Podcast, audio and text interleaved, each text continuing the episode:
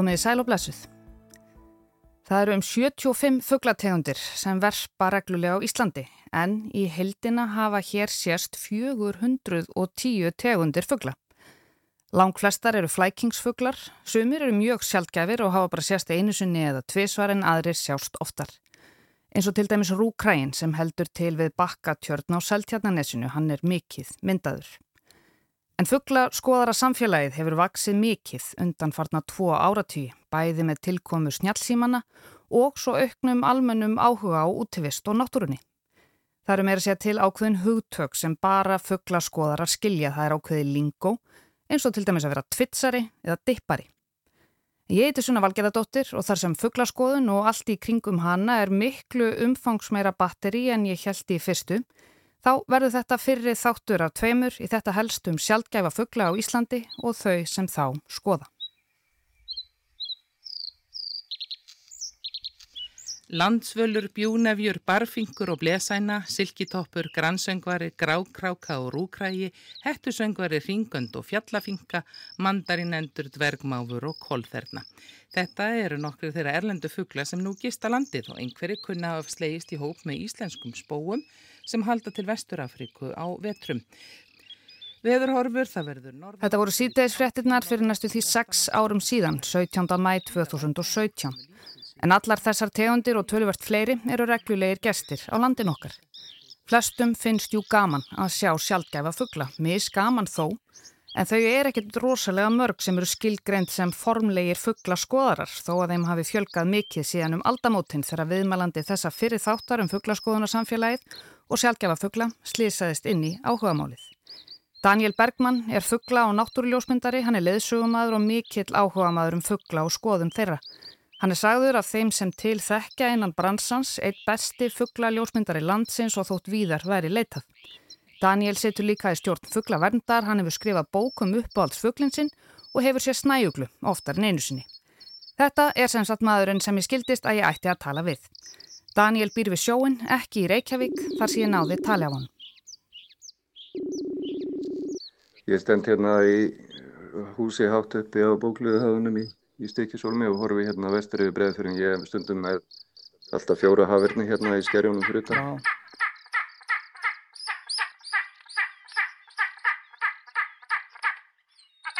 Ég kom inn í fugglaskoðun um aldamótin og ég er verið kom svona inn baktur að mig.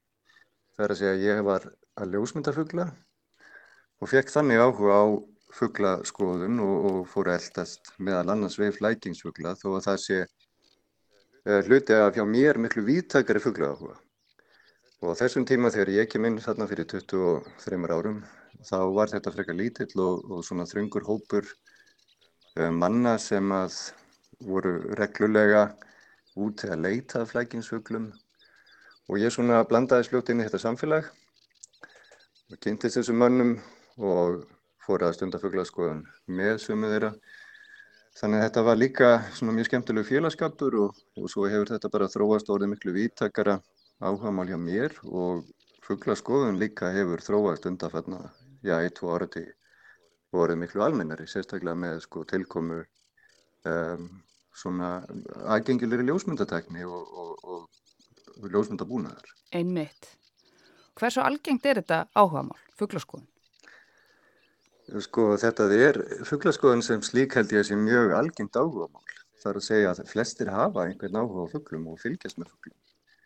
En þessi fugglaskoðun sem að snýra að því að fara að sjá þessa, þessa sjálfgjafugla, þessa flætingar sem við fáum helst á fartíma, þeir koma hérna að Íslandi sko á vorin og haustin mest. Þetta eru fugglar sem eru á fari annarkort frá suðrannum vetrastöðum og er á leginni norður og lenda í einhvers konar veðri sem að berða á afvega leiðir þá og, og þeir lenda á Íslandi á haustin fái meira af þessum fugglum sem að þá lenda í, í stormum og koma þá bæði sagt, vestanmegin frá og austamegin.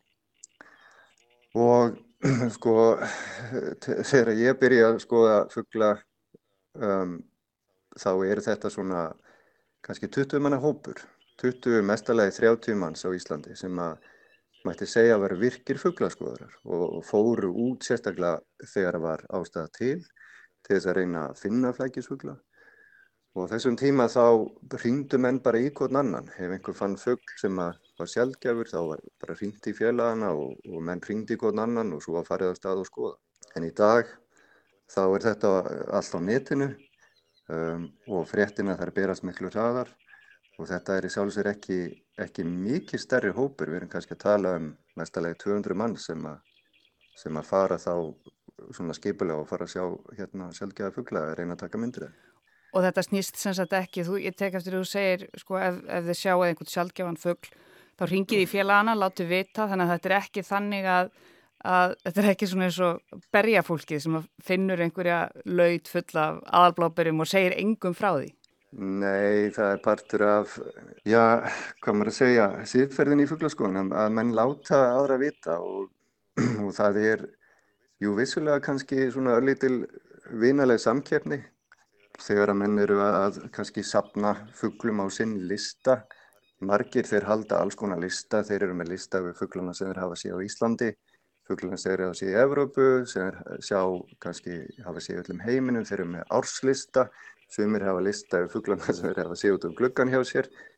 Ehm, þannig að menn sapna svona á listana sína og það sem að þeir sem eru svona aktífastur í þessu á Íslandi eru þá að sapna á Íslandslistan þartu myndir til þess að sanna eða er þetta bara svona heiðusmanna samkómulag? Þetta er algjörlega heiðusmanna samkómulag en eh, sko hins vegar heldum við utanum þetta í klub 200 þannig að ef einhver sagðist á séfugl þá, þá var það að leggja það fram fyrir sko flækisfugla nefnd og það er nefnd sem að skipu sjöfuglaskoðum eh, þetta er, þetta er nefnd sem starfar innan þessa svona evróska uh, flækingsfugla nefnda samfélags mm. og þannig að það þarf þess að þegar þú sér sjálfgefnfugl þá áttur einu að senda inn tilkynningu uh, og náttúrulega með mynd ef þú hefur henni eða þá lýsingu á fugglinum. Ef að flækjusfuggl nefnd samþykir ekki fugglin eða samþykir ekki hérna, tilvikið og, en þú ert búin að setja það á listaninn þá náttúrulega missir það. Ah. Þó svo að þetta sé heiðusmanna hérna, samfélag og, og, og menn eru fyrst og fremst að halda þessa lista fyrir sjálfum sig. Já, auðvitað. Þa, það er þess að snýst um. Þá er samt þessi ofinbjörnarnefnd sem að fer yfir og skráir og heldur utanum uh, og hefur gert það alveg frá 1980 eitthvað. Einmitt. Það sem er að gerast núna er að við erum varla að fá tilkynningar um sjálfgefa fuggla nema að fylgi mynd og þetta er orðið miklu, miklu auðvöldra að eiga við heldur um að ráða. Þegar núna fylgja yfirleitt góðar myndir Og núna erum við líka að fá tilkynningar um flækinga frá fólki sem er bara að rekast á það á förnum vegi, er ekki beint að fara út til að leita þeirra eins og við ekki. Einmitt. Heldur er bara að rekast á það. Og þráttur að fugglum sé að fækka, þá er tilvökum flækinga á Íslandi að fjölga, vegna þess að það eru bara fleiri úti að skoða. Akkurát. Það eru um 75 fugglategundir sem er verpa á Íslandi og í heildina hafa sérst hérna 410 tegundir. Vá.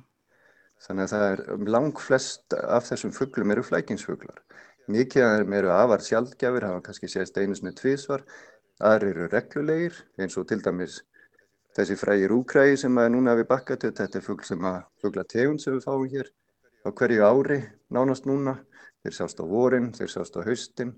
Það var sést alltaf 15 einstaklingar þegar mest er og komið yfir 200 frá því að það var farið að skrá flækingsfugla. Margir af þessum sko fugglum sem að hafa já, undafarin áratögu eða tvo áratögu hafa orðið varpfuglar á Íslandi voru flest fyrst flækingar. Eins, eins og, og hvaða fuglar eru það? Já eins og til dæmis uh, glókollur sem er smæsti fuggli í Evrópu og kom hérna reglulega sem flækingsfugl aðal á haustinn Svo kom hérna stór og mikil í ganga af glókvöldum 96 og kjölfarið þá settist þér að. Það líka hefur gjörbreyst þetta búsvæði fyrir litla skóafugla með öllum þessum skóum og sérstaklega þessum barskóum sem það eru í dag sem það voru ekki fyrir 50-60 árum. Þannig að músarindillin er ekki lengur minnsti fuglin á Íslandi? Hann hefur mist hans þess. Nú er það glókvöldurinn en það er hann minnstur í Evrópu. Einmitt. Og það eru fleiri svona, svona skóarfuglar sem að hafa sest hér að í, í kjálfar þessa búsaðabreitinga en það eru líka fuglar eins og eins og grátrana til dæmis sem er nú stór og mikill fuggl sem verpur í opnum búsaðum og mýrlendum. Um, það er lítill stopna að þeim að myndast á Austafurlandinu. Þetta voru fyrst flækingsfuglar og svo kannski kemur par og þegar par byrtist einhvers þar á vorlegi þá náttúrulega bara verpur það mm. og þá myndast smátt og smátt kannski lítill stopp því að ungarnir koma þá gætnan aftur tilbaka þar sem þeir eru fætt. Einmitt, eins og manneskjutnar. Algjörlega. Hver er uppáhaldsfuglinn þinn? Ef ef við bara byrjum kannski, e, e, e, þessi spurning er tvíþætt. Hver er uppáhalds svona íslenski algengi, ekki kannski algengi, en bara íslenski varpfuglinn sem að einn af þessum 75 sem verpir hér. Hver er uppáhalds íslenski fuglinn og hver er uppáhalds svona sjálfgefi farfuglinn þinn? Mm. Ég er vika mig fyrir, fyrir ánfuglum. Mm -hmm. Þannig að minn uppáhaldsfugl er og hefur verið fálkinn. en það lóði mikið yfir honum og, og gáði bókum fólkan sem kom út síðastlega höst. Svo eh, verði ég að nefna líka snæjöglu. Snæjöglan er svona svolítið dölaföllu fuggla á Íslandi. Hún er hérna, hefur svona stöðu flækings. Það er að segja flestir þeir fuggla sem við sjáum eru þá kannski að koma frá Grænlandi. Koma hérna og vera svolítið á vetuna eða, eru bara að flækjast um. Snæjöglan er fuggl sem að fer yfir alveg gríðarlega stort svæði. Hefur þið séð hana? Já, já, ég hef séð hana fyrsta snæglan sem ég sá almennilega var nú hérna það sem ég bý heima í Stikkjusólmi um, minnir að það hefði verið haustið 2007 þá kom ung snægla hér og, og var bara í, í bænum í, í þrjá daga og var í görðum og veiða mís og svona þetta var alveg, alveg ótrúlega magna wow. en þetta er líka fugg sem að verpur á Íslandi í einhverju litlu mæli og svona að döla fullum stöðum á, á hálendinu og, og á svona fáförnum heið. Það eru líka svo stórar. Stórar og miklar, uh, eh, vangkaf upp á, á tvo metra. Vá, það er bara svo þessu... með vangkafið, nánast. Já, Vá. eins og allt nema hauslaus. Einmitt, vá. Hver einasta fugglategund hefur sinn karakter og meiri þess að algengustu fugglanur okkar eins og, eins og bara stokkum getur verið alveg stórkvæmslega skemmtilegt að hlýta sem. Og eins og í öllum alvöru klúpum er ákveði tungutak eða lingo sem aðeins útvaldir skilja. Fyrirbærið, hvað segir þau? Að tvitsa fuggl. Hvað er það? Þetta er, þetta er eiginlega tökuorð frá ennsku og þetta er orð sem er, er þekkt kannski meðal mjög svona þröngshóps. Að tvitsa fuggl? Fugglaskoðara, að fara að tvitsa. Okay. Að fara að tvitsa er þegar einhver hefur fundið sjálfgæðan fuggl og tilkynir um hann og þú ferðast að til að reyna að sjá fugglin. Uh, þar sé að þú er ekki fundið fugglinn sjálfur. Ég fer að stað til þess að sjá fuggl, reyna að sjá fuggl sem einhver annar hefur séð einhver stað. Og ég fæ tilkynningu um hann, ég er kannski Reykjavík, fugglinn er kannski á höfni í hodnafyrði, ég stekk upp í bíl og reyka stað, það því að mér vantar kannski fugglinn á minn Íslandslista. Og þetta orða tvitsa, þetta kemur ennsku og það er þá twitching mm -hmm. og sá sem er tvitsari, hann hérna er þá twitcher Og þetta kemur frá því þegar menn voru bara með símana í gamla daga, 7. og 7. áratöfum og breyðlandsegum hringd á milli. Mm. Og ef einhver tvitsari fekk tilkynningu um sjálfgæðanfjögl, þá var hann svo spenntur að hann byrjaði allir að tvitsa.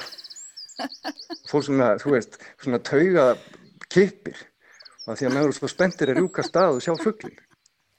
Og þaðan kemur þetta orð. Og ég hef ekki fundið neitt íslenskt orð sem að lýsir þessu.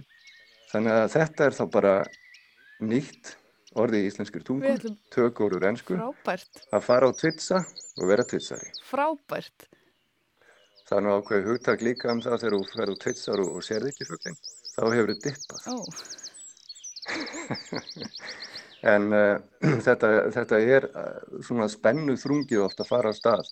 Þú, þú fær tilkynningu fuggl sem er einhver staðar og eins og þú veist náttúrulega þá eru fugglar ákveðlega færanleir, þeir, þeir fljúa. Jú, jú geta fært sig um. Og, og stundum, stundum þá getur maður gengið af fugli sem að er einhver staðar langan tíma eins og til dæmis þessi frægir úkræði mm -hmm. svo ég nefni hann aftur.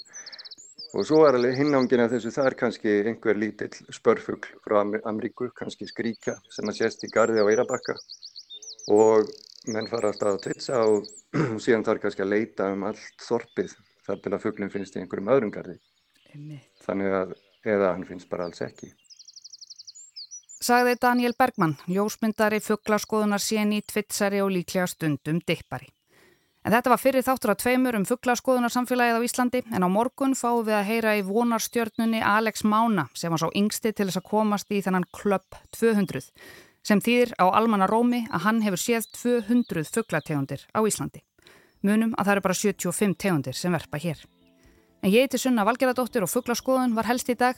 Við heyrumst svo aftur á morgun þar sem lindardómsfullur listi sem ég hef nú undir höndum verður afhjúpaður. Ekki missa því.